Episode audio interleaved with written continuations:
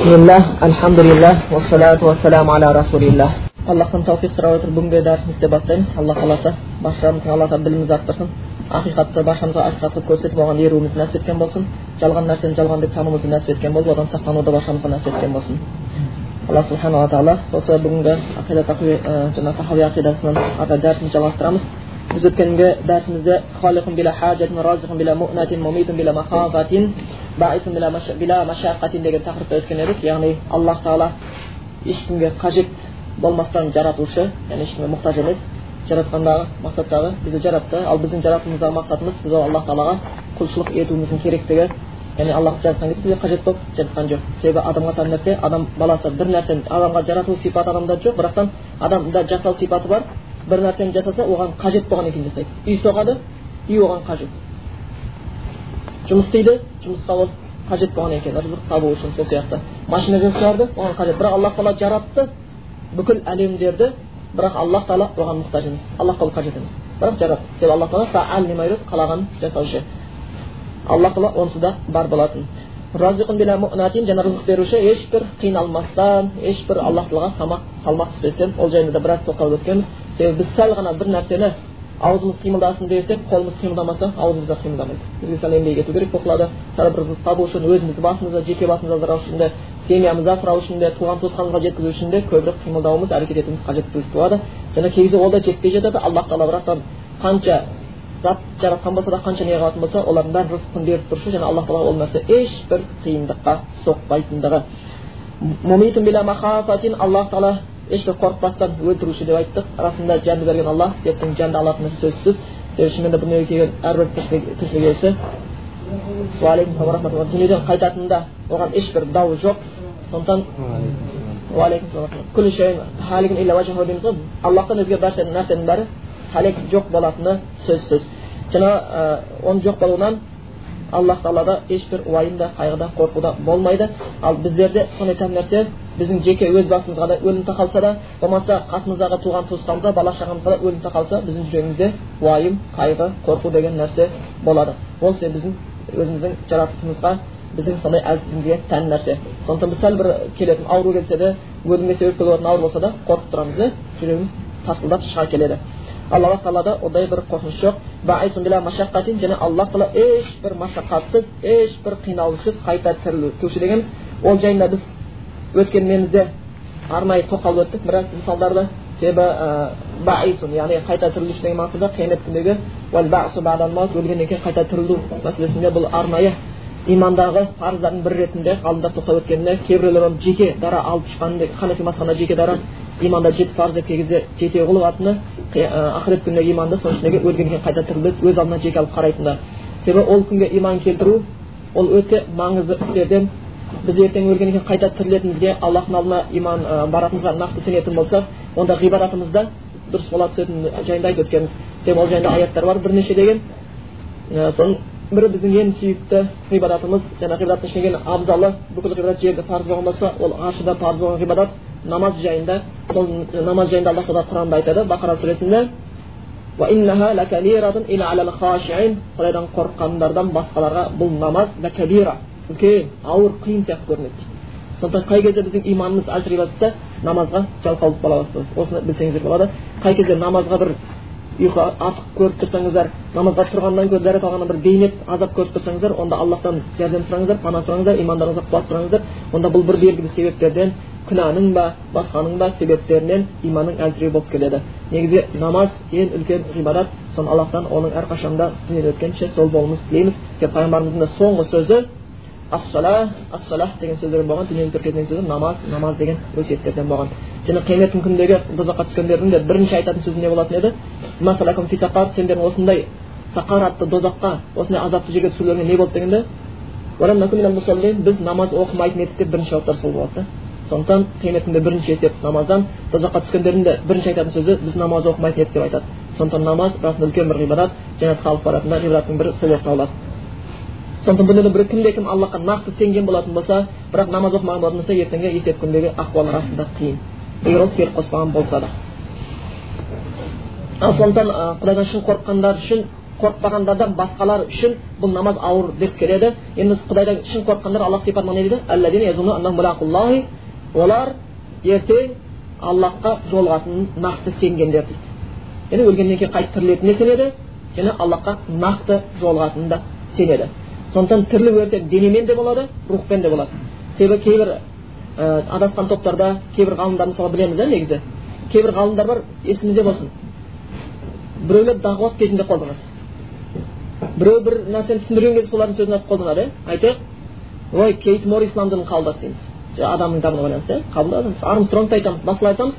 Бірақ білейік олар бір ақиқатты көрді исламға кірді. Бірақ ол нәрсе олардың бүкіл ісін ислам деген сөз емес майк ислам дінін қабылдапты енді оның жаңағы біреудің құлағын ұстап жүргені ислам деген сөз емес біз оның ислам дінін ақиқатты бір таныған жерін ғана аламыз ақиқатты қабылдаған жерін аламыз бірақ ол деген сөз бүкіл қателігін алу деген сөз емес сондықтан бір ол ғалымдардың ақиқатты көріп қалғаны олардың дінді танығандығы себебі өзі тәубе үш түрлі болады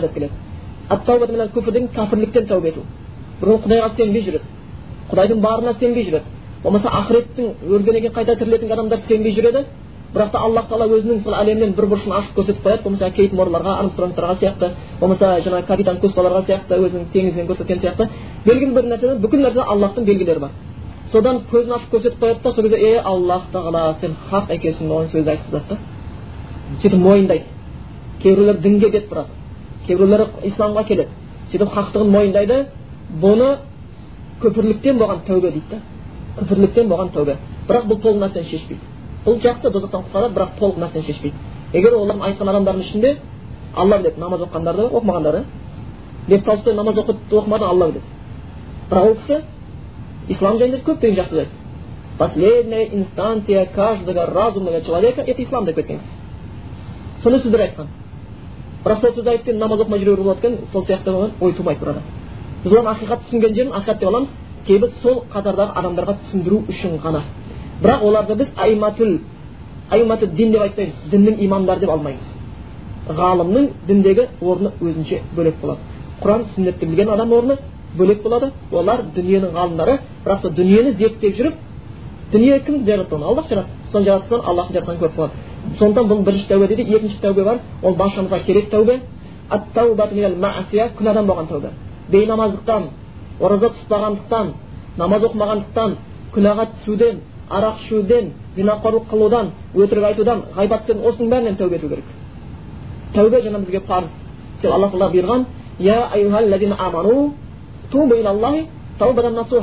ей иман келтіргендерді иман келтірген алған аллахқа шынайы тәубе етіңдер деген.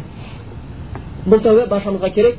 Одан кейін үшінші тәубе оған жетсеңіздер шынымен де ол қуанышты. Әсіресе ілім іздегендер үшін ол тәубе өте қажет деймін.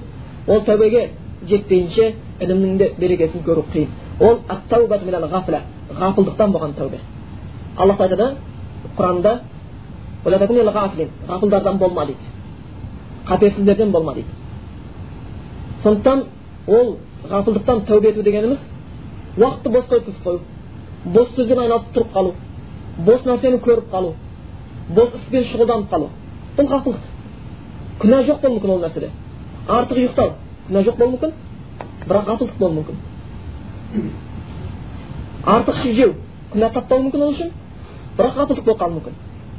Мүмкін болса оны да тәрк етіп ол жерлерді қажетсіз нәрсенің орнын қажетті нәрсемен толтыру бұл ғафылдықтан болған тәубе дейді екен. Оған да жету қажеттілік туындайды екен. Сондықтан ертең қияметтің күні қайтып баратын күнін нақты білгендердің ол өте қажетті нәрсе. Біз ә, имандағы сол нәрсе ғибраттыңыздың артуына көптеген көмегін береді. Енді бүгін құдай қаласа ары қарай жалғастырамыз. Сабағымызды ода келген екен ол кісінің сөзінде алла рахметіне бөлесін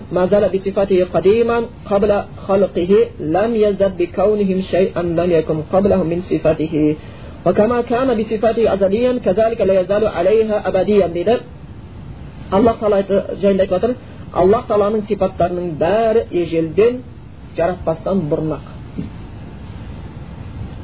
бір нәрсені жаратуменен бірге оған жаңа сипаттар қосылған жоқ дейді оның сипаттары азали болған сияқты сол абади күйінде қала береді осы жерде азали деген сөз абади деген сөз қолданылады біз азали деген сөз кей кезде ежелден деп те айтып жатқандай боламыз бірақ ол толық түсінік бермейді азали деген сөздің мағынасының өзі сонау әуелден бастамасы жоқ деген сөз бұл аллахқа тән сипат пайғамбарымыз түсінеді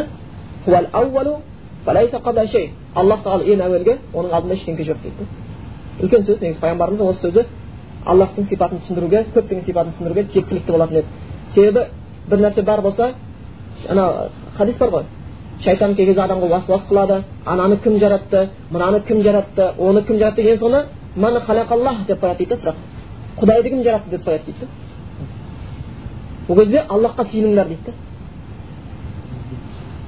аллахқа сыйыныңдар дейді неге ол кезде адам ананы кім жаратты десе біз айтамыз оны ана анау жаратты машинаны кім жасады ана японецтар бірақ та заңды түрде оқылады бар нәрсені біреу жарату керек деген бізде принцип туады ол біз аллах бар десең онда аллахты да біреу жарату керек болып қалады да шайтан соны пайдаланады да алып келіп бұрышқа тығып азғырады сол кезде аллахқа сыйыңдар дейді аллах тағала әуелден бар аллахтың алдында ештеңе жоқ аллахтың алдында еш нәрсе жоқ сондықтан иншалла аллах тағаланың сипаттары жайында бұл айтып жатыр оның сипаттарын бәрі ежелден яғни азали деп түсінсек жақсы болады. Бұл терминді қолданса себебі ежел деген сөз айттық толық қамтымайды. Себебі сипаттар аллахтың ежелден әуелден бар. Бірақ оның алдында ешбір не жоқ. Жаңа сипаттар аллахта мәңгі болады. Абади деп келеді яғни ақыры жоқ деген сөз. Абади ақыры жоқ. Себебі аллах тағала соңы одан кейін ешнәрсе жоқ дейді. Аллахтан кейін. Сондықтан енді осы жердегі қозғап жатқан тақырып негізінде аллах тағала жаратпастан бұрын сипаттары ежелден еді деп жатқаны яғни бір нәрсені жаратуменен оған жаңа сипат қосылмады деген кезде түсінікті болу үшін мына мысал келтірейік аллах тағала аспанды аспандарды жерді жаратты адамды жаратты қанша деген көптеген нәрселерді жаратты өзінің жаратылу сипатыменен бірақ кезінде сол нәрселер жоқ еді сол нәрселер жоқ болып тұрған кезде аллах тағала жаратушы еді ол нәрселер жоқ болып тұрған кездің өзінде аллах тағала жаратушы еді бұл жерде неге бұл мысалды келтіреді ғалымдар себебі адамға тән кей кезде мынау философиялық пікірде бір қатты қиналатын нәрсе айтайық біреу доктор наук дейді бірақ ол туа салып доктор наук бола ма болмайды оған жету үшін ол еңбектенеді ізденеді. Көптеген еңбектерін қорғайды жазады сөйтіп сол салада доктор наук болып мүмкін. Болмаса біреу олимпийский чемпион болды анасынан туған кезде олимпийский чемпион болдым деп қолына ешкім жаңағы сыйлығын беріп қоймайды.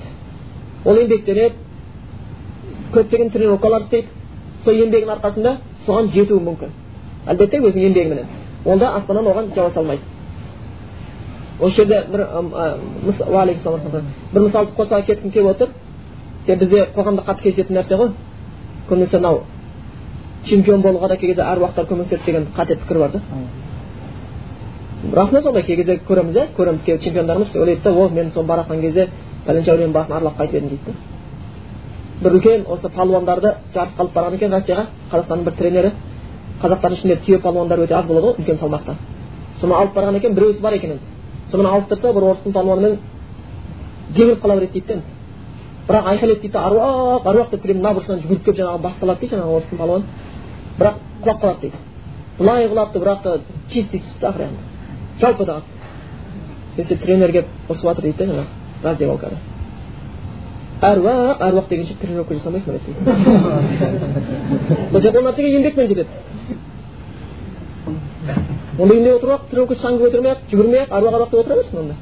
Жетім болса болмаса түнімен қонып шықсын әруақтың басына олар әлемде ешкімге дүниеден өткеннен кейін ешкімге жәрдем етіп жатпайды. Бұл дүниенің өзінде біз ғибадатқа көп құлшылық еткіміз келеді. Сөйтіп енді о дүниеге өткеннен кейін де жетпеген сияқты дүниенің қамын ойлап жататын олар емес. Атақты ойлап жататын. Сондықтан аллах тағаланың сипаты ежелден бар. Мына әлемді жаратпастан бұрын да аллах тағала бар болған. Және жаратушы. Сондықтан біз адамға тән нәрсе біреу чемпион болмай соған чемпион деп ат бермейміз. Еңбек етіп докторға жүріп доктор деген ат бермейміз. Сол нәрсені істемейінше. Аллах тағала аспанды әлем жаратпады сондықтан оның жаратушы деген сипаты жоқ еді аспанды әлем жаратқаннан кейін жаратушы деген сипатқа кейін ие болды деген қате ұғым тумау керек аллахтың сипатының бәрі ежелден бастамасы жоқ. Аллах тағала бұл әлемдерді жоқтан бар етпей тұрып та жаратушы етін. ليس بعد خلق الخلق استفادة اسم الخالق ولا بإحداث البرية استفادة اسم الباري тура сол тақырып яғни аллах тағала жаратылған нәрселерді жаратқаннан кейін барып жаратушы болған жоқ деп келіпті бұл да сол тақырыпты қозғайды яғни аллах тағала жаратылыстарды жаратпастан бұрын да жаратушы етін дейді Себебі біз ә, бір хадистерде келетін бар. Аллах тағала бүкіл жарат, аспандарды жерді жаратпастан бұрын олардың тағдырын елу мың жыл бұрын жазып қойған дейді. Аллахтың білушілігі. Яғни жаратудан бұрын білім болады иә. Аллахтың білу сипаты бар. Жаратпастан бұрын жаратушы. Егер аллах тағала оларды жаратпай жатып тағдырын білген болатын болса әлбетте қиын мысалы жарату. Аллах тағала аспандарды жерді жаратпастан бұрын тағдырларды жазып қойған бірнеде аллахтың ең әуелге жаратқан деген мәселеде біраз таластар бар иә кейбір собыл ағымдарда аллахтың ең бірінші жаратқаны не деп келеді пайғамбардың нұры дейді бірақ ешбір дәлел жоқ бір хадис келтіреді бірақ ол заифты хадис деуге де келмейді ойдан құрастырылған хадис яғни аллах тағала бір нұрды жаратты пайғамбардың нұрын жаратты сол нұрдың себебінен нұр үшін әлемдерді аспан жерді жаратты деп келеді алла тағала сол нұрды жаратты деп келеді алла сол нұрды жаратты оған қарап еді ол ұяттан терлеп кетті ол нұр соның маңдайынан тер ақты одан пайғамбарлар жаратылды анадан тер ақты одан мына жаратты одан мына жаратты сөйтіп бөле бастайды бұл ана үнділердің философиясына келіп қалады да үнділерде сондай дін бар ол айтады құдай тағала мынау оларда бөледі ақсүйектер одан кейін нелер одан кейін жұмысшылар деп айтады сөйтіп бөліп тастайды бірнеше нелерге себебі құдай тағала бастан жаратқан солар өмір бойы басшы болу керек олар қолдан жаратқан олар сондай осындай әскеран болу керек біреуді алла тағала табаннан жаратқан өмір бойы құл болу керек ол құлдықтан қызметке ұмтылса күнә болады дейді да сондай сенім бар тура сол сияқты нұр жаратып қойыпты одан анан пайғамбар сөйтті бүйтті бірақ бұл жалған хадис бірақ хадистер бар алла тағала ең әуелге қаламды жаратты кейін оған бұйырды тағдырларды жаз деді ол тағдырларды жазып дейді бұл аллах тағаланың құдіретімен сондықтан көбінесе исламға кейбір кірме сөздер айтайын исламның қол астына көптеген мемлекеттер өткен кезде болған себебі көптеген мемлекеттер өздері ислам келгенге дейін өздерінің философиясы өздерінің діни ұстанымдары болған иә гректерде үлкен бір мәдениет орталық еді бірақ олардың діндерін кезіндегі діни нанымдарын қарасаңыз адамның күлкісі келетін нәрселер астана найзағай болса ана жақта екі құдай бір бірімен қылышпен шайқасып содан болып жатқан от деп айтады судың құдайын бөлек оттың құдайын бөлек теңіздің құдайын бөлек таудың құдайын бөлек музыканың құдайын бөлек бөлек қылып алады да олар бір бірімен соғысып жүреді төбелесіп жүреді. Арасында адамдар ажыратып жүреді. Алла сақтасын. И соны үлкен мәдениет деп таныстырған да сөйтіп аллах тағала бүкіл әлемнің раббысы жалғыз ғана аллах бар десе оған сенгілер келмейді да анаған сенгісі келеді. Бірақ еркек қызығып сол кітаптарды оқитындар да бар. Бірінен бірі қолына берместен.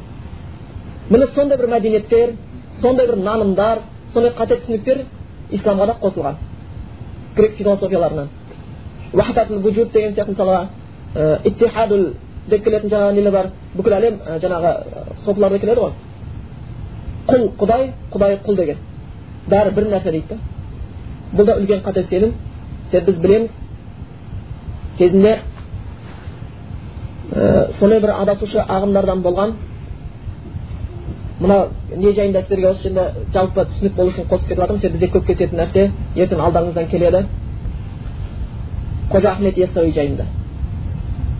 Бірақтан сол кісіні әспеттеп яссауишілер деген арнайы тарихаттықтың топына атылған бір топ бар собылықта бірақ сол кітабын ұстаған кезде өлген адамның артынан егер мұсылман болатын болса деген сияқты өлгендердің тек жақсылығын айтыңдар деген сияқты біз ол кісілердің артынан бір жамандық сөз айту үшін емес. Яссауи қожа ахмет өз заманында өмір сүрді мүмкін дінге қызмет істеді мүмкін жақсы жақтары көп болды дүниеден өтті бірақ адам баласы ғайбат етуге болмайды дейді бірақтан ғайбат ету алты жерде рұқсат етілген егер оның сол теріс қылығы өзгелерді адастыратын болса адасушылыққа түсіп кетпеу үшін оны айтуға болады дейді сондықтан кез келген жерде сіздер сол яссауидің артында қалған еңбектің аты не иә дивани хикмет дейді диван деген дәптер деген сияқты ғой хикмет дәптер хикмет кітабы болмаса сол кітаптың өзім бірнеше рет оқып шықтым оқыған сайын қате табатын сияқты болып тұрасың бірақ соны бізге дейді тәпсір керек жоқ дейді бізге құранның түріктер үшін тәпсірі сол кісінің диван хикметі дейді да бірақ естеріңізде болсын бұл қате пікір себебі өздеріңізге де оқып көруді сұранамын сол кітапты егер сіздер ислам жайында хабарларыңыз болған болса иә болмаса онда өздеріңізді күмәнға салбай ақ қойыңыздар сондағы бір екі мәселе ол мәселенің негізі неден басталады аманат дегеннен басталады пайғамбарымыз саллаллаху алейхи вассалам менің үмбетімнен сондай керемет бір кісі шығады соған менің аманатым бар кім жеткізеді деп сахабаларға айтады деп тарихы басталады сонда ешкім жеткізе алмайды. Ей дейін бір сегіз жыл бар екен да сегіз ғасырдай уақыт ол құрма екен да аманат бір қай хадисте бар еді? Пайғамбарымыз құрманы аманатқа қалдырды. Егер хазіреті омар қағыбаны айналған кезде қара тастың қасына келіп қара тасты сүйетін кезде не деп айтты? Сенде ештеңке жоқ деді. Тассың сен деді бар болған. Бірақ пайғамбарымыз саллаллаху алейhi сүйгені үшін сүйіп түсініп қана. Сенде еш нәрсе жоқ деді да егер кейбір деректер болса жәннаттан түскен дейтін сол тасты сондай бір құрметті орынға қойып кеше соны қою үшін талас тарту исламға келмей жатыр ол біресе халифат былай болса былай болса сондай құрметтеген таста біз ештеңке қасиет құдірет жоқ дейтін болсақ жеп жиырма төрт сағаттан кейін жердің құрманың сүйегінде қасиет бар деу үлкен қателік бірінші есімізде болсын. Одан кейін негізі мақұлық заттарға еш уақытта толық қасиет берілмеген. Оған көптеген оқиғалар дәлел.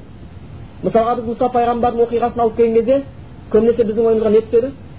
Ол кісінің аса таяғы көп адамдар бойынша сол аса таяқта керемет бар болды деп есептейді. Аллах тағала шынымен оның бір белгі ретінде оның таяғын айдаһарға айналдырды. Оның таяғымен жаңағы тастардан бұлақ шықты он екі бұлақ.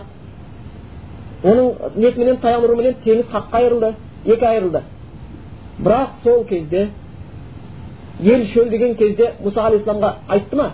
Сен таяғыменен тауды ұрда су шығарып берші деп айтты ма? Жоқ. Аллахтан сұрашы бізге су керек деді теңіздің қасына келген кезде ой сенің таяғың бар ғой көрді таяғының жыланға айналатынын көрген олар. Таяғыменен су шыққанын көрген. Бірақ теңіздің қасына келген кезде сол сынақтан өтіп келген қауымның өзі ай таяғымен тезірек теңізді ұрып жібер өтіп кетейік деп айтты ма? Айтқан жоқ. Тек білді олар таяқта еш нәрсе жоқ екенін бүкіл іс бүкіл құдірет бүкіл жақсылық бүкіл жамандық та аллахтың қолында екенін білді олар. Болмаса пайғамбарымыз саллаллаху айтты ма? Қорықпаңдар. Айтты менімен бірге раббым бар ол маған тура жол көрсетеді бірақ айтқан жоқ менімен бірге ақыл таяғым бар деп енді біздер де сондай бір нәрсеге асықпаңыз енді сол құрбан кім жеткізеді деген кезде салман фарси деп келеді оның айтуы бойынша. Болмаса деп айтады ғой соны бір шатастырады сол жерлерін өздері сахаба болған екен. Мен жеткізетін едім бірақ өмірім жетпейді ғой деп айтты дейді сонда пайғамбар дұға қылыпты сенің өмірің жетеді деп. Сөйтіп сол кісі сегіз ғасырдай өмір сүріп келіп алдынан алты жасар бала жүгіріп шығады. Сөйтіп жаңағы менің аманатым бәрін деп бірден сұрайды дейді да. Сөйтіп сүйегін береді дейді. Сонда айтқан екен дейді ойпырмай бәрін бәрін жеп сүйегі ғана қапты ғой дейді да. Енді сізге түнемек болсын маған тілемек болсын деп айтты дейді да сөйтіп сол жерде сөз.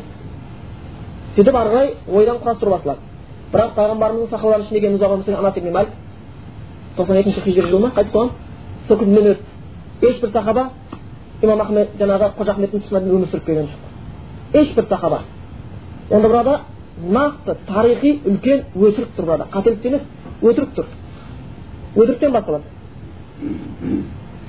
одан кейін сол кітаптың ішінде анал хақ жақталады яғни мен құдайым деп айтқан сөз жоқ. Оны басқа сөзбен түсіндіруге салады ондай нәрсе болған халлаж дейтін еді яғни мен құдайым деп келген еді. Мен құдайым деді. Ол кезде мұсылманшылық күшті еді. Мұсылмандар оған айтты тәубе қыл деді. Тәубе қылуды одан сұранды бірақ ол тәубе етпеді қамауда тәубе қылмады тексеруге жіберді ақыл есі дұрыс па деді ақыл есі дұрыс болып шықты тәубе қылуға бұйырма деді тәубе қылмады мен құдайым деп сөзінде тұрып алды. Кейін сол халлажды мен құдайым деген халлажды шариғат бойынша өлім жазасына кешті басын шабуға сонда қараңыздар кей кезде соның шәкірттерінен кейбіреулері шынымен құдай деп сеніп те қалыпты да сеніп те қалыпты оған өлім жазасы келіп басын қылышпен шабылатын кезде қасында қазір қылыш өтпей қалатын шығар деген сенімде тұрған шәкірттер де болған екен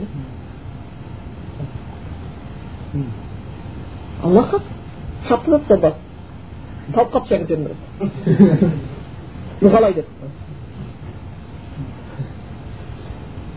ондай болатын болса анал хақ сол дұрыс деп есептейді да содан кейін анау ферғауынды да сонымен ақтап шығады да ферғауын иманы күшті болған себебі ол білді құдай бір құл дегеніміз құдай құдай дегеніміз құл деген сөзді білді сондықтан ана мен үлкен раббым менмін деп айтқан дейді да ал біз құранда аллах тағала сені қиямет күніне дейін белгі болсын сақтап қойдым дейді оған бұл дүниеде азап көріліп жатыр ертең қияметтегі азабы үлкен одан да қатты азапқа түседі деген аяттар бар. Ал біз оларды ақтағымыз келеді да. Аллах тағала олар азапқа ұшырайды дейтін болса күфірлігі пайғамбар зиян келетін болса. Сондықтан расында барынша аллахтың сипаттары мақұлыққа өтпейді. Аллахтың сипаттарының бәрі өзіне тән және аллахтың сипатын еш уақытта жаратылған басқа сипаттарға ұқсатуға болмайды. Адам баласы бір нәрсеге атаққа ие болу үшін сол нәрсені істемейінше ие бола алмайды біз сәби кезінде ол балағатқа жету үшін өмір сүру керек тағы да шал болу үшін де біраз өмір сүру керек бірақ аллах тағала бір нәрсені жарату үшін оны соны жарату үшін оның ілімі ізденіп жатпайды аллах тағаланың ілімі кәміл алла тағаланың жарату сипаты кәміл алла тағаланың бүкіл сипаты кәміл өзіне тән ұлылыққа сипатпенен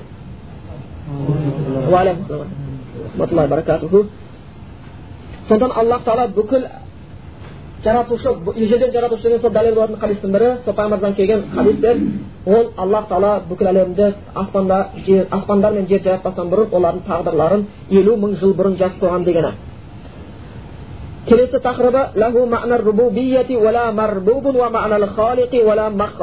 аллах тағалаға рубубия мағынасы беріледі бірақ аллах тағаланың өзі марбуб емес дейді енді рубубия деген сөзді түсіндіріп кетейік осы жерде раббы деген сөз өзіне бірнеше мағынаны қамтиды негізі біреусі жаратушы деген мағына екінші жаратқан нәрсесін билеуші бақылаушы ондағы болып жатқан бүкіл істі жүргізуші осы үш мағынаны қамтиды дейді мүлк тәдбир тасриф осы мағыналарды қамтиды деп келеді яғни содағы болып жатқан істі бүкіл жүргізуші сол жаратқанын бақылаушы және соның жаратушысы біз фатиха сүресін айтқан кезде осыны толық айтылады деп келеді альхамдулиллахи раббил аламин бүкіл әлемдердің раббысы болған аллах тағалаға мақтау болсын мақтау аллах тағалаға соны айтқандай аллах тағала раббылық сипат ол жаратты содағы бүкіл нәрсені бақылаушы алла ол нәрсені істерді содағы жүргізуші бірақ аллахтың ісін жүргізуші аллахты бақылаушы жоқ аллахты тәрбиелеуші жоқ аллах тағала кәміл сипаттарға ие алла жаратушы жаратылған емес енді ол баршамызға иншалла түсінікті егер біреу алла тағаланы жаратылған дейтін болатын болса анда алла сақтасын ол нәрседен وكما أنه محيي الموتى بعدما أحيا استحق هذا الاسم قبل إحيائهم كذلك استحق الاسم الخالق قبل إنشائهم бұл да осы тақырыптарды қамтып кетеді яғни аллах тағала өліктерді тірілтуші тірілткеннен кейін бұл тірілтуші деген есімге аллах тағала өлікті тірілткеннен кейін ие болған жоқ дейді бұрыннан аллах тағала тірілтуші яғни бір істі істеуменен сол есімге ие болмайды да яғни бүкіл сифатул аллах тағаланың бүкіл сипаты жаратылғандардың сипатына қарама қайшы ешбір ұқсамайды ешбір ұқсамайды адам баласы бір нәрсеге айттық қой жету үшін сол нәрсені істеу керек болады сол нәрсені істегеннен кейін біз оны доктор дейміз сол нәрсеге жеткеннен кейін біз оны чемпион дейміз сол нәрсені жазғаннан кейін біз оны жазушы дейміз сол нәрсеге барып жеткізгеннен кейін біз оны механик болмаса инженер болмаса өз ісінің профессионалы деп айта аламыз бірақ аллах тағала ол нәрселерді істеместен де ол нәрсені жаратпастан да бұрын да ол нәрсені тірілтпестен де бұрын тірілтуші жаратушы сипаттары толық бұл да жаратпастан бұрын алла тағала сол жаратушы сипатына ие болған ол оның дейді себебі алла тағала бүкіл нәрсеге құдіретті. Бүкіл нәрсе аллах тағала мұқтаж. Бүкіл іс аллах тағала жеңір.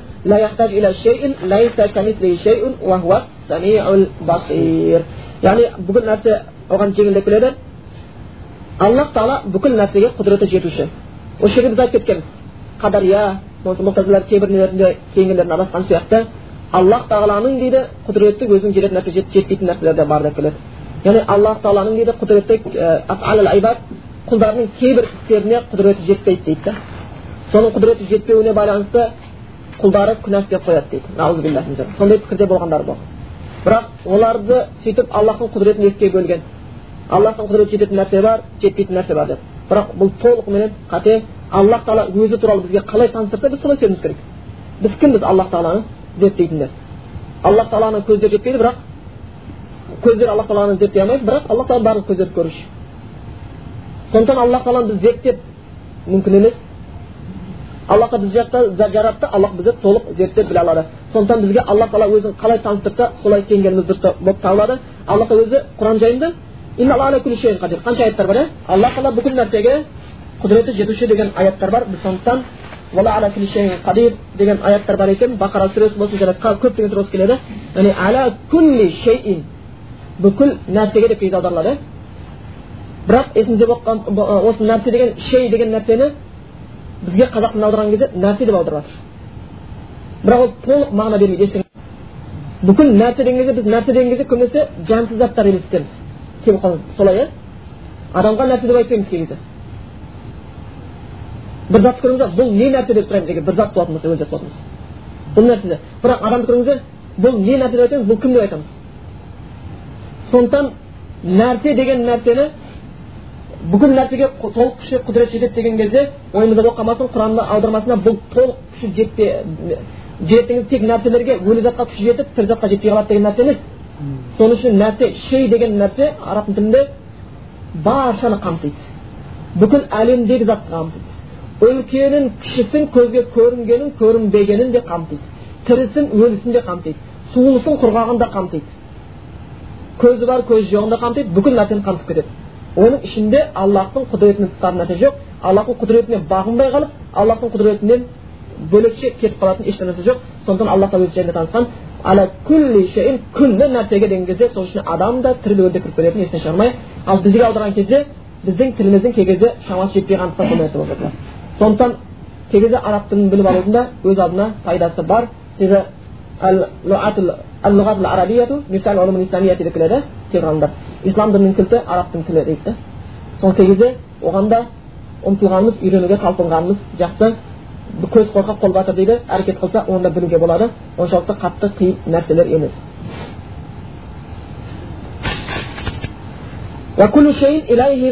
Бүкіл нәрсе аллахқа мұқтаж расында осылай және біз осылай сенуіміз керек. Аллахсыз да өмір сүре аламын дейтін адам өте қателескен да. Аллахсыз да өмір сүре алатын аллахқа мұқтаж мұқтаж болмастан тіршілік ете алатын ешбір нәрсе жоқ. Біздің бүкіл егер сөз сөйлеп жатсақ аллахтың қалауыменен әрбір капилляр қанымызда капиллярда қан қозғалып жатқан болса аллахтың қалауыменен тек бір оттегін сорған кезде оттегі қанымызға тарап жүрегімізге жетіп қайта шығарып алсақ аллахтың қалауыменен егер біздің қалауымызбен болатын болса еді онда істер едік біреу абу ханифаға келіп айтты дейді. Біз өзімізде өзіміз қалауымызбен бәрін істейміз аллахтың қалауын деген кезде айтқан екен дейді. Онда өзіңнің қалауыңмен бәрін істегіш болсаң б дейтін әріпті ерніңге ерніңе тигізбей айтып көрші деген екен. міне аллах тағала бәр нәрсеге себеп қойған да себептер бар. Бірақ бүкіліміз расында бір тал шашымыз өсіп аллахқа мұқтажбыз да сол шашын өсіп шығады аллахқа қатты мұқтажбыз. Әрбір тыныс демалғанымызға да сондықтан кей кезде көп көресің айттым ғой имамдық жұмысымыз кезінде негізінде негізінде үлкен сабақ. Өлімнен ғибрат алмайтындар онда жүрегі әбден өлгендер да кейбір ғалымдар айтады. Адамның жүрегін өлгенін сол кезде білесің өлімнен ғибрат алмаған кезде дейді да. Бізде бұрын жақсы сөздер болушы еді өлікке барған кезде. Өлді деп жылама өлемін деп жыла дейді да өлікке барғанда. Негізі солар дұрыс айтатын. Ал қазіргі өліктеріміз не болып қалды? Той. Егер қазір шетелден біреуді алып келші қазақтардың өлік шығарысатынын білмейтін. Сөйтіп өліктің дастарханын көрсетті тойдың дастарханын көрсетті. Айырмашылығы жоқ. Тіпті той өлікте одан көп шығын шығады да тойдан гөрі. Анан жеті төле дейді әр жүзге шапан қоюың керексің айтуың керексің бүйтуің керексің өте көп шығады өзің қайғырып жатқан болатын болсаң тек қана бір ақ нәрсе қалды да тамада керек болып қалды өліктің тойына сондықтан ешбір айырмашылық болып қалды болмай қалды енді сондай тойдың дастархан болып тұрған кезде уайым қайғыны сезінбес адам қандай нәрсе? Біздің өліктің алдағы үлкен міндетіміз не еді? Жаназасы. Бұрынғылар жақсы айтатын тірі кезіңде сыйласпасаң өлгеннен кейін жыласпай ақ та қой дейді да өлгеннен кейін барып сыйлағысы келеді да алла сақтасын. Тірі кезінде ұрысады қырылысады өйтеді жолысады өлгеннен кейін ой әттең ай деп жылайды тірі кезінде сыйла тірі кезде жақсылық істе өлгеннен кейін саған ешбір пайдасы жоқ. Өлгеннен кейін сен оған ештеңе оның сауабын қоса алмайсың. Қайта сол өз күнәсі жетпегендей одан сайын біз еңіретіп ойбайлатып қоямыз. Сондықтан сол нәрселерді өзінше білуіміз керек. Біз бүкіліміз аллаға мұқтажбыз. Сондықтан әрбір демімізге мұқтажбыз деген жаңа сөз содан шығып жатыр кей кезде өлім жақын адамдардың мына ғарғара деп қояды ғой хадисте бар иә аллах тағала пендесінің тәубесін жаны хатта юғарғир деп қояды мына деген предсмертный хрип медицина атымен айтқан кезде хатиғаны предсмертный хрип жеткенше тәубесін қабыл етеді дейді аллахтың кеңшілігі қандай сол кезде біреу алқымына жаны алқымына келіп қырылдап жатқан болатын болса сол кезде тәубе етсе алла оны да қабыл етемін деп отыр да аллах қандай кең қандай кең да бірақ бұлардың сол кеңшілігін түсінбейді енді сол расында көбіне сондай көресің. Егер оқыс өлмеген болса өлім жайын жақындап қалған адамдың демін кіретін кезде масқара жорға кіргізеді да шырын масқара қиналады. Біразға демалмайды қырылдайды а бірақ солға дейін ол адам не деп ойлап жүрген өзім демалып жүрмін деп ойлады да. Өзім демалып жүрмін деп ойлаған адам еді да. Жүрек тақ тақ соғып тұрған жүректің тоқтап қалатынын ұмытқан адам еді да. Өзіне соғып тұр деп ойлап тұрды да.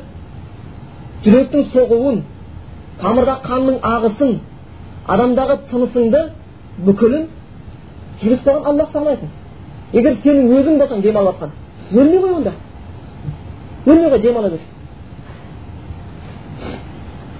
Тимейді қолыңа аллахтың қолындағы нәрсе.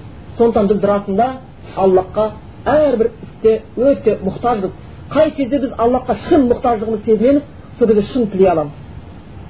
Сондықтан ой мына кезде мен аллахқа қатты мұқтаж едім қазір жағдайым жақсы болды енді аллахқа мұқтаж емеспін десе ертең қатты қиындығын көреді кей кезде сол бүкіл дүниесімен жүріп те кейбір нәрселерден құтыла алмайтындарды да біз білеміз сондықтан біз әрқашанда аллахқа мұқтаж бүкіл іс алла тағалаға жеңіл аллахқа бір қиын іс жоқ біз үшін ол нәрсе қиын әрқашанда бірақ осы иман келмегеніне байланысты кейбір расулалардың болған айтқанбыз сіздерге айтқан шығармын автобуста келе жатқан кезімізде бір апа апалар өзінше әңгімелесіп келе жатыр ей осы аллах тағала ақсақ деуші еді сол рас қой деймін. Пәленше қылмыскер әрекеттердің жазасын бермей жатыр әлі. Сол аспай жеткені рас ау деп сондай пікірге келіпті да аллахқа сипат аллах тағала бұл сөзіменен ол кісі мүмкін жахилет үшін алла кешіреді деп ойлаймыз алла біледі бірақтан бұл сөздің күнәсі аллахқа таққан кемшілік сипаттың күнәсі ол рекеттің біреуді бауыздап ұрлап кеткен ақшасынан да ауыр да есіңізде болсын себебі бұл күнә аллахқа бұл кемшілік аллахқа таңылып жатыр. Ана құдайдың алдында күнәһар болды. Сондықтан аллахқа келген кезде өте сақ болғанымыз дұрыс аллахқа ешбір кемшілік сипат бермеуіміз керек. Аллахқа тіліміздің тиіп кетуі тұрмақ аллах жайында қалжыңдаудан сақ болуымыз керек. Аллах жайында қалжыңдаудан сақ болуымыз керек. Аят бар иә сендер не аллах пен оның елшісімен қалжыңдайсыңдар ма сендер иманнан кейін күпірлікке келдіңдер деп қояды. Себептерін айтпаңдар дейді сондықтан аллах туралы анекдот айтушылар алла туралы қалжың пайғамбарлар туралы қалжың айтушылар өте қиын. Тіпті егер кімде кім аллах туралы анекдот айтса қиямет күнінде туралы анекдот айтса болмаса пайғамбарлар туралы анекдот айтса оны айтып өз алдына тұрсын сол анекдотқа қосылып күлу де күнә есімізде болсын. Оның өзі де қосылып күлу де күнә. Сондықтан кейбір ғалымдар айтқан кімде кім аллахты немесе оның елшісіне дінді істеңіздер деп қояды мазақ қылатын болса әзіл қылатын болса дейді оның әйелімен болған некесі де бұзылып кетеді дейді неге? Кәпір болып кетеді. Себебі аллахты пайғамбарды дінді мазақ қылу кәпір болудың белгісі аят соған дәлел. Сондықтан айтады мұсылман болу әстәсте кәпір болу бір пәсте бір ауыз сөзден кәпір болып кетуі мүмкін. Сонда расында аллах жайында пайғамбар жайында сана сезіміміз толық дұрыс күйде ойлауымыз керек. Ол жайында кем сөзден сақ болуымыз керек. Егер біреу айтып отырған болса астағфирлах деуіміз керек. Ол сөзден бас тартпаса қасында тұрмағанымыз да жақсырақ болады. Алла еш нәрсеге мұқтаж емес дедік ол расында аллахтың мысалында ешбір нәрсе жоқ ол естуші ол көруші бұл жайында да біз айтып өткен едік ары қарай сабағымызды жалғастырсақ болады аллах тағала жаратылысты білімменен жаратты яғни алла тағала бүкіл нәрсені білімменен жаратқан сен бір нәрсені жарату үшін ол жайында білім керек иә егер мына лампочканы біреу жасап шығара болатын болса онда шиша жайында ерітуге болатын жайында шишаны осындай формаға келтіруге болатын оның ішінде қандай газ сақтауға оның ішінде жаңағы сымның жайында ол тоқ келген кезде жарық болатын жайында білім бар адам істейді болмаса білім жоқ кішкене бала беріп қойсаң ол шишадан алып келіп лампочканы жасай алмайды біз адамның өзінде айтамыз бір нәрсені істеу үшін адамға білім керек дейміз расында аллах тағала жаратылысты жаратпастан бұрын оны білген яғни білімменен жаратқан сол үшін хадисте келеді аллах тағала аспандарды жер жаратпастан бұрын олардың тағдырын елу мың жыл бұрын жазып қойған дейді яғни білген не болатынын не қоятынын бәрін білген сондықтан кей кезде тағдыр мәселесіне көп таласпау керек деген сияқты өткенде бір сұрақ болып жатыр расында аллахтың бәрін білетініне тағы бір нәрсе ләйләтул қадыр деп келеміз ғой енді біз бұл құранда ләйләтул қадыр кезінде түсірдік дейді құранның екі түсуі бар біреуі аспан әлеміне түскені одан кейін жиырма үш жыл бойы пайғамбар түскені бірақ сол түскен кезде құран сол толық күйінде тұрған еді. Құран сол күйінде толық күйінде тұрған еді. Махфуз деп тіпті аспан емес құран анау тағдыр тақшасында толық күйінде тұрған еді. Осы күйінде. Ондай болатын болса біз білеміз жиырма үш жыл бойы түскен кезде құран түрлі оқиғаға түсті.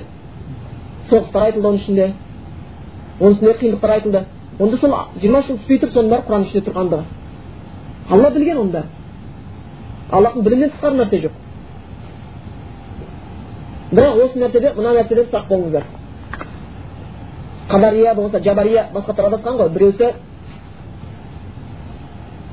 бүкіл нәрсе пенденің қолында ешбір тағдыр ешқандай өзгерту яғни ешқандай ерік жоқ ирада жоқ ешқандай қалау жоқ бүкіл нәрсе құдайдың қолында біз жер бетінде жүрген былай айтқанда олардың тілімен айтқанда роботтар сияқтымыз дейді да сөйтіп есептейтіндер бар егер біреу күнә істейтін болса құдай істетіп қойды біреу намаз оқыса құдай істетіп қойған бәрі алланың қалауымен деп сөйтіп бүкіл нәрсені алла қидырып қоятындар бар болмаса келесі біреулер адасады аллах біз жаратты енді жұмыс жоқ бүкіл нәрсені біз өзіміз істеп жатырмыз деп қатысатындар бар мұсылмандар дұрыс ұстанғандар осы екеуінің ортасында болады бүкіл нәрсе аллахтың қалауымен аллахтың қалаусыз ешнәрсе болмайды бірақ пенденің қалауы алла тағаланың қалауының астында сондықтан егер де бүкіл нәрсені құдай тағала өзі істетіп қоятын болса күнәні да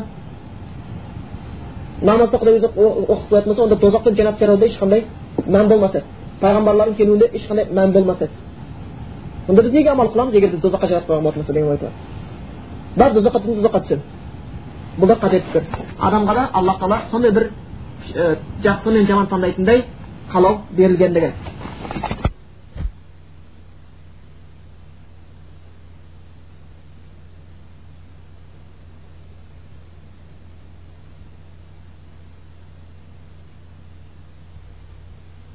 және солар жаратты өзінің білімменен және оларға аллах тағала тағдырларды бекітіп қойды деген. Расында бүкіл нәрсе тағдыр деген нәрсе араб тілінде былай өлшем деген мағынаны беріледі. Яғни өлшеніп пішіліп қойған нәрсе. Мысалы біреуге сексен жыл өмір болмаса біреуге осындай рызқы оның бәрі бекітіліп қойған. Сондықтан алла жаратты оларға тағдыр бекітті оны жоғарыдағы хадисімізде дәлел алла тағала бүкіл нәрсені жаратпастан бұрын аспан жерді жаратпастан бұрын олардың тағдырын елу мың бір жыл бұрын жаратып қойды деген хадис дәлел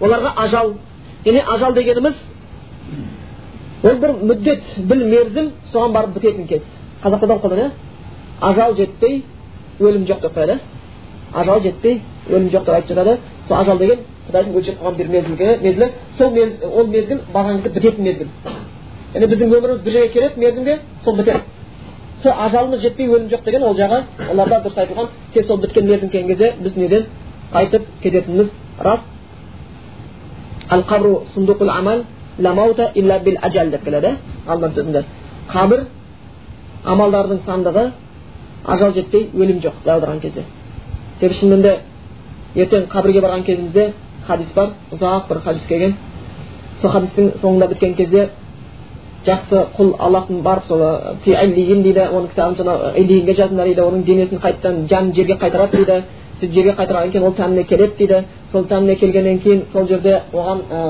жаңағы періштелер сұрақ қояды дейді. Раббың кім? деп сендерге жіберген кісі кім? деп сұрап пайғамбарға сұрақ қояды. Дінің не? деп сұрақ қояды. Дейді жақсы адам болса жауап береді дейді. Күнәһар адам болатын болса жауап бере алмай қиналады дейді. Сол сол кездерде қатты қиналып кейін сол періштелер кеткеннен кейін оларға бір адам келеді дейді. Жақсы адам болса жақсы кейіптегі хасанатин көркем суретте бір адам келеді дейді ол ә, сен кімсің дейді сенің жүзіңнен жақсылық көрініп айтады дейді мен сенің істеген дүниедегі жақсы амалдарыңмын деп айтады дейді күнәһар адамға қорқынышты суретте біреу келеді дейді сен кімсің дейді сенің жүзіңнен жамандық білініп тұр дегенде мен сенің істеген жаман амалдармын қияметке дейін сенімен бірге болып саған азап көрсетемін деп айтады дейді да қияметке тірілткені болғанша дейді сондықтан ал қабру сундукул амал деп айтқан ғалымдар қабір амалдардың сандығы дейді ертең күні істесек сол жерде біз көре бастаймыз ол жаңағы ең бірінші ақыретке баратын ә, жайлардың бірі сол кезде әуелден жақсы нәрсе көре бастасақ ар жағда жақсы бола бастайды ол кезде қиындыққа бола бастасақ ар жағда қиындыққа душар бола бастаймыз сондықтан біз бұл неде қолымыздан келгенше сол қабірге амал істеуіміз керек ал келесі несін айтады өлім жоқ ажал келмейінше дейді. Яғни аллахтың өлшеп қойған мерзімі біткенше ешкімге өлім келмейтіндігі рысқы таусылмайынша сол күйінде бұл өте қажетті нәрсе. Егер адам баласы өлімнен қорқа беретін болса онда өмір сүрудің қажеті жоқ болады үйде отыру керек қолды жақта любой нәрсе өліп қалуы мүмкін. Кез келген нәрсе өліп қалуы мүмкін. Өлмеймін деген нәрсе өліп қалуы мүмкін. Үйде тығылсаң да өліп қалуы мүмкін. Ұйықтап жатып та өліп қаласың. Ұйықтап жатып өлген қанша адам бар иә тып тыныш қанша бір нәрсе бар адам баласы неше түрлі өлімдер айтқан кезде таң қаласың. Небір айтқан кезде ажал деген кез нәрсе соны біз адамға байланысты айтып жатқанбыз ғой бір пожарник келіп өткенде айтады болған оқиғаны өз көз шынымен көзімен көріпті содан қатты әсерленіп қалыпты бір адам ер кісі әжептәуір күш қуаты бар ер кісі үйінде отырған кезде үйі өртеніп кетті қатты лаулап жана бастапты сасқақ болып қалған паника болды жүгіріп барып сыртқа ашып қашты десек кілтін таппай қойды ары жүрген бері жүрген өрт кетіп бара жатыр өрттің дауысы болады иә гүрілдеген қатты жанған кезде дауыс болады өртте масқара. Арыстанда дауыс болады ғой ырылдаған соның дауысын естіген кезде адам зәресі ұшады өрттің дауысы бар соның даусынан адамдар қорқады да оның дауысы алыстан естіледі деп келеді ғой. Сол содан даусынан қорыққан өрттің өзінен қорыққан бұл не істейді есік аша алмайды не істерін білмейді да ваннаға кіріп мұздай суды ашып суда жатып аламын деп ойлапты да тірі қалып кете біледі ваннаға кірсе аллахтың қалауы енді ажал жетіп тұр мұздай су жоқ екен да тура сол ыстық судан су жоқ. Оған шыдай алмайды. Сөйткенше ары бері жүреді айқайлап ешкім түсіп жатқан жоқ. Өрт қаптап бара жатыр келе жатыр. Сол кезде бұл әлі денесі күймей жатып не істеген? Ваннаның ішінде дарға асылып өлген ваннаның ішінде дарға асылып өлген солар барып жаңағы соны өрт қарап алған дейді. Сонда қарап отыр дейді да сонда солай айтады да адам дейді оттан қатты қорқады екен дейді расында солай. Негізі сондықтан тозақ ойыншық емес жанына шіркінің шыдамаған тозақ жайын шын барлап ұғам адам дейді. Кеше өздеріңіз көрген шығарсыздар анау биік этаж америкада жарылған кезде көп адамдар не істеді? Секірді секіріп кеткен. Қанша? жүз он этаж ба қанша этаж? Үшінші этаждан секірсең де тірі қаламын деген үміт жоқ бірақ олар секірді күйіп өлгеннен гөрі сол өлімді таңдады да өлім таңдау керек жеңіл деп соны таңдады да значит отқа күйген ауыр деп есептеді. Сондықтан алла сақтасын ол жеңіл емес. Сонда бұнымен өзіне шыдай алмаймыз. Ертең аяқта ойыншық болып жүрмесін. Сондықтан осы жерде уақытымыз болып қалыпты біріне қосып кеткім келіп отыр. Себебі қажеттілік туады зендани деп келеді ғой сол ғалымға. Бір мысырлық бір мұсылман келеді. Ученый. Ученый аспан әлемін зерттейтін ученый.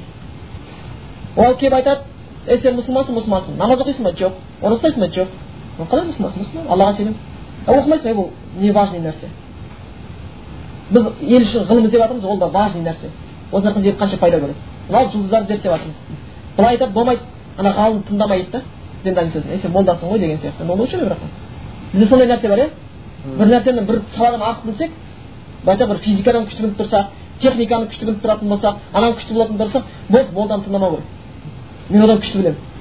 А сен ақыретті жақсы білмейсің ғой. Ертең сен баратын жер сол сен мәңгі бақи сол ойлап тапқан машинаңның холодильнигіңнің велосипедінің ішіне қалып кетпейсің. Ол барасың анау көнбей қойыпты.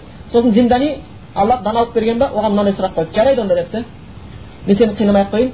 Сөйтіп оның өз саласымен сөйлей бастады да. Менің қазақта мақал бар ғой сөзімді тыңдасын десең мақтап ал дейді да. Мақтай о сен ученый екенсің ғой иә не зерттейсің? Жұлдыздар зерттеймін. А депті жұлдыздар қандай? Ой тұрмай бір жылдар от болып жанып жатыр анау. Мынау сосын сұрапты қарапайым сұрақтар қойды да оттың түсі қандай депті?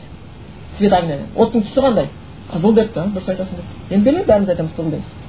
Егер оттың қызуы қатты күшейсе түсі қандай болады депті? Ақ болады депті. Дұрыс депті. Ана енді ол ғылыми түрде айтып жатыр деп ойлап тұр ғой ана ученый егер одан да қатты күшейіп кетсе оттың қызуы не болады депті да? Сонда айтқан екен дейді ой ол жер бетінде ондай от жоқ. Бірақ ондай от бар ең қауіпті ең қорқынышты біз осы қазір таптық онда оның түсі қап қара болады депті да қап қара болады деген екен сонда ол кісіге пайғамбарымыз саллаллаху алейhi хадисін айтты. Аллах тағала тозақ жаратты. Альфу амин деп кетеді ғой. Алқадандар альфу амин сөйтіп сол дозақты мың жыл жандырып қойды. Хатта қып қызыл болып жалын болғанша деген мағына келетін хадис бар. Қып қызыл болғанша жақ дейді. Тағы да альфа амин дейді. Тағы мың жыл жақты аппақ отын болғанша дейді да және мың жыл жақты қап қара отқа айналғанша деген екен сол жерде ана мысырлық түрі бұзылып кетіпті себебі ол ғылым кейін табылған ғылым еді оттың қап қара түсі болған кейбір жұлдыздар бізге көрінбейтіні өте қатты температурада екен қап қара бізге көрінбейді оны тапқан ғалымдар нақты ананы естігенде қатты түрі бұзылып кетті ученый ғой біліп тұр орнынан тұрып кетті қайтып кетті айтты пайғамбар саллаллаху алейhi сөз айтты ма дейді иә айт. Қайтадан кетті айттым айтып кетті. Сол айтқан екен дейді. Маған мұсылмандығын дұрыстау үшін дінді үйрет деген екен дейді. Сондықтан шынымен де бұл хақ нәрселер қанша пайғамбар сөзі хақтығы шығып жатыр. Сондықтан құранның өзі де хақ қанша нәрселер хақ сондықтан аллахта ешқандай бір өтірік нәрсе айтқан жоқ. Кешегі дәрісімізде соны айтқан едік. Егер бұл құдайдың тарапынан түсірген одан көптеген кемшіліктер тауып алатын еді сондықтан ертеңгі күні біздің де өлшенген ажалымыз бар бүкіл нәрсені алла тағала ажалмен бүкіл нәрсені тағдырмен жаратты ешбір нәрсе тағдыр болмайды бүкіл нәрсенің өлшемі бар бұл күннің де өлшемі бар жердің де айдың да бүкіл әлемде өлшемі бар өлшем болғандықтан бүкіл нәрсе жойылады аллахтан өзге неге олардың бәрін белгіленген мерзімі бар олар ертең жойылады ертең олар жоқ болады ал соның ішіндегі біз аспаннан да сонау әлемдерден де жаратылысымыз күрделі емес сосын құранда аят бар сендердің жаратылыстарың күрделі ма жоқ аспанның жаратылысы күрделі алла сұрақ қояды негізі аспандардың жаратылысы күрделі оны әлі шегіне зерттеп бола алмай жатыр зерттеп те бола алмайтын шығар себебі біздің қазір таптық деп жатқанымыз бәрі дүниенің аспаны ғана себебі алла тағала біз дүниенің аспанын жұлдыздармен безендірдік деген жұлдыз бар жердің бәрі дүниенің аспаны бар ал дүниенің аспанын әлі зерттеп біте алмаған болатын болса басқа аспаннан зерттеп біту алла біледі оны ешкім зерттеп біте алмайтын шығар. Ал ертең солардың да өлшемі солардың да тағдыры олардың да ажалы болатын болса біздің ажалымыз сөзсіз болатыны ол хақ оны күнде көріп жатырмыз. Ертең аллахтың алдына қайтамыз соны білуіміз керек және соған сенуіміз керек. Қайтқан кезде алдына қайтамыз. Ертең қабірдегі досымыз біздің салиқалы амалдарымыз болады. Не болса ол жерде біз қинайтын да күнә істеріміз болып қалады. Сондықтан салих амалдарымызды көбейтуіміз керек. Күнә істеріміз үшін аллахтан барынша тәубе сұрауымыз керек. Және ажалдың аллахтың қалауынсыз болмайтынына сенуіміз керек. Егер тек қана өлімнен беретін болса онда үйден шықпай отырып қалуға қажеттілік туады. Сондықтан алланың қалауынсыз ешкім ешкімге ажал жеткізе алмайды егер алла тағала біреуге жақсылық қаласа бүкіл әлем болып жазып одан оны кетіре алмайды. Егер алла тағала біреуге жамандық қалаған болса оны бүкіл әлем жазып жатып одан ол жамандықтан арашалап алып қала алмайды. Сонда алла тағала баршамыз санасын туралы қажет бүгін дәрісіміз осымен сәл уақыты келіп қалған екен келесі жалғастыра жатамыз бар ғой ахмет туралы бір адам несін айтуға болмайды егер бір